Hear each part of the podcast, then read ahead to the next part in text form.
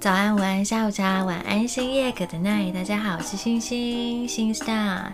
今天是我们新歌加欢唱的第三集，星要在第三集的节目里面介绍我的第三首创作曲。嗯，歌名叫做《想再听你说》。那这首歌的呃节奏基调就是现在节目背景音乐的这个节奏。那这个节奏听起来蛮 chill，对不对？你可以想象会是在早上十点、十一点的咖啡厅，或者是下午两三点的咖啡厅听到的这样子的这样子的氛围。那心那时候就听到这个节奏，我就想说我想要写一首有咖啡香也有书香的一首歌。嗯，它的氛围是轻松，可是他弹的也是感情。那那个时候我找到这个节奏的时候，我的脑海当中的画面就是，呃，在落地窗前，在大落地窗前。呃，有一个两人坐的座位，然后有一个人物，无论是女生或是男生，他就喝着单品咖啡，然后在想些事情，想着两个人坐的时候跟一个人坐在这个位置的时候的生活的差别。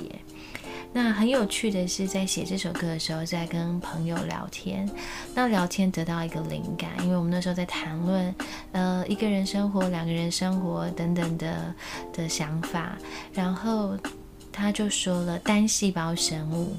然后我就觉得这个词非常非常的有趣，于是它就成为这首歌的一个核心的核心的概念。不是说整首歌都在单细胞、单细胞、单细胞生物啊，而是就从单细胞生物出发，然后嗯嗯叙述着一个人他从两个人的状态回到了。一个人单细胞生物的状态的那种感觉，那想再听你说，就是还想要再呃听到对方对自己说过的那些话，所以这就设定好了这首歌的呃基本的架构跟主轴。于是呢，我就就开始写这首歌。那其实这首歌也没有写的很久，大概两三个晚上不到就完成了。嗯，新记得那时候在发布之前，我是一开始就马上想到这首歌的副歌的旋律跟词。那时候词跟旋律就是砰就这样跑出来了，然后就就把它写下来之后，就就先录在 Instagram 上面的线动，然后就发发布给大家听听看。那时候其实。其实大家并没有特别有什么样的想法，那我就是觉得，哎，灵感来了，我先把它抓住，不要让它跑走。所以有的时候我就会发布一些线动，是自己的哼哼唱唱，当做自己的呃灵感的记录的地方。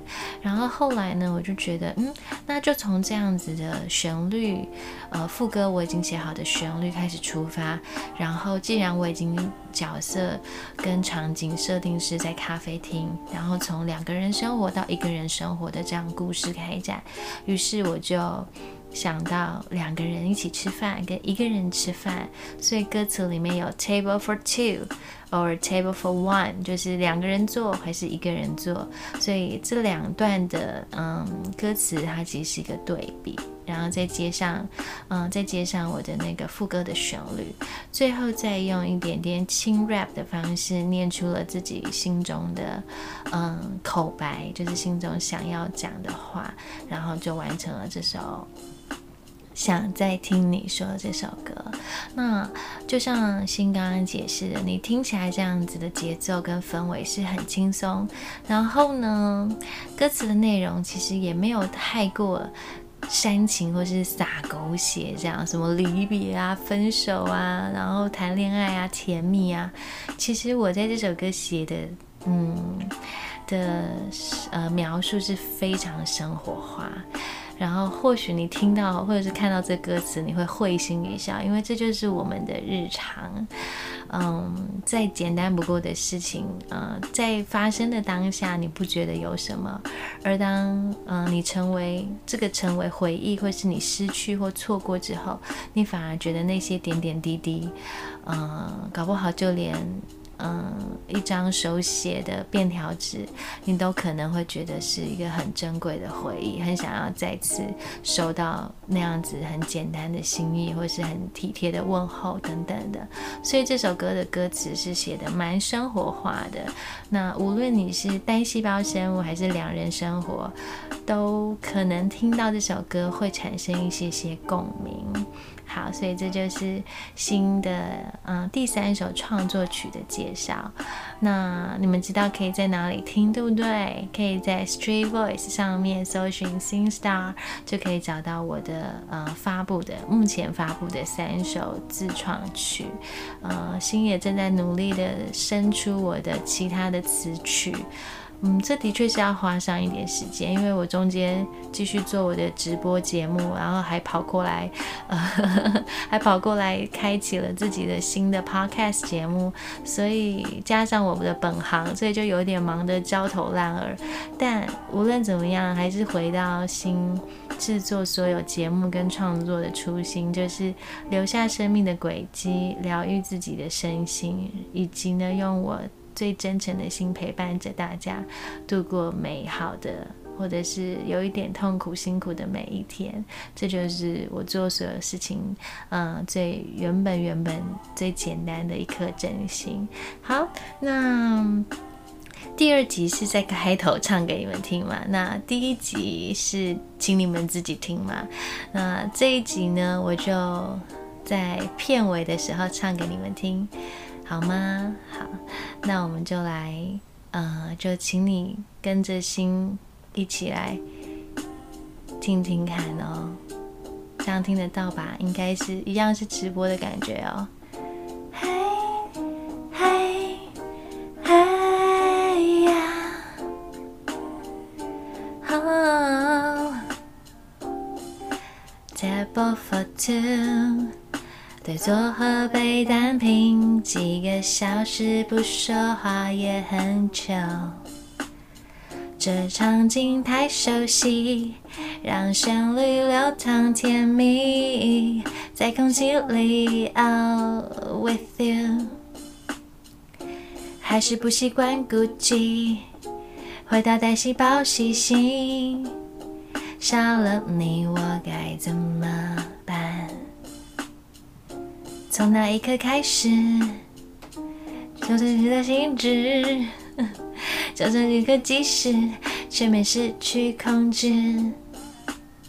想再听你说，想再听你说一次，喜欢你不能轻易表示。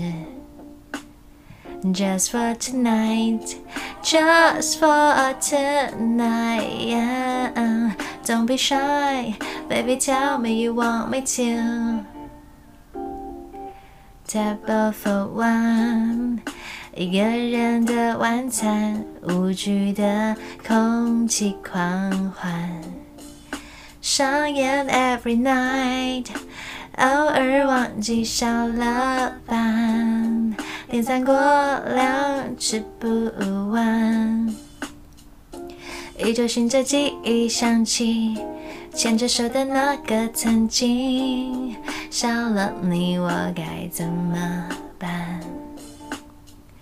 从那一刻开始，无法再延续，从这一刻起始，星空的结局，想再听你说。想再听你说一次，我爱你胜过所有公式。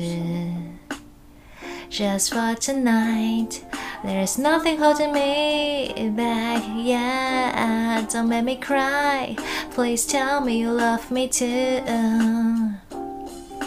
从那一刻开始，觉得心跳停止；从这一刻起，是全面失去控制。想再听你说，想再听你说一次喜欢你，不能轻易表示。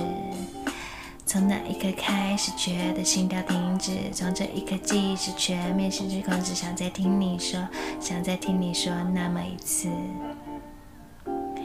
好，以上是星星的第三首自创曲，希望大家听了会喜欢，然后从歌词当中可以感受到。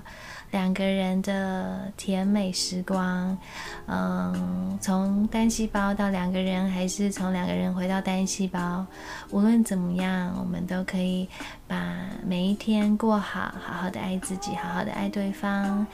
然后呢，就像我歌词里面写的，就是我爱你胜过所有公式，就。嗯，真心诚意的对待自己，跟对待身边生命中所有出现的人事物，也就不枉然了，不是吗？好，那你会在哪里可以听到星星的创作呢？请到 Street Voice 接声上面搜寻星 star 就可以听到。那如果你喜欢这个 live 版本，然后不小心还有一点点唱错的版本，就可以继续支持这个新的 podcast 节目。嗯。那，嗯，接下来的这个子节目会有什么样的单元跟内容呢？新就先保密，那就敬请期待。呃，新的 podcast 给我小心点，呃，每周三的晚餐时间准时发布。假日的话，六或日都有可能每周都发布。呃，新希望可以维持一周一到两次的发布量，让喜欢。嗯，星星的听众、粉丝朋友友们都能够每周都有我的声音，呃，作为你的陪伴。然后，无论是生活方面的，或者是电影方面、音乐方面，还有人生，嗯，各式各样多元不同的内容，都能够，呃，陪伴着你在这个忙乱跟混混乱的。混乱、混乱的呃世界里面呢，我们开心一点点，小心一点点的活着，好吗？好，谢谢你的收听，请记得要关注呃新的节目，可以在 Spotify、Anchor。呃，Google Podcast 还有 Apple Podcast 都可以找到。那请你一定要追踪我的 Instagram，这样子就不会错过呃最及时的消息哦。然后也可以看到嗯新更多生活上面呃发布的线动啊，或者是图文。好，那我是星星星上，再次谢谢你的收听。那请你继续支持呃支持。支持。今天我这一集吃了大概几次螺丝呢？应该至少有三次。好，这就是 one take one take 的迷人之处。好，那再次谢谢你们，我是星星，我们下次见，拜拜。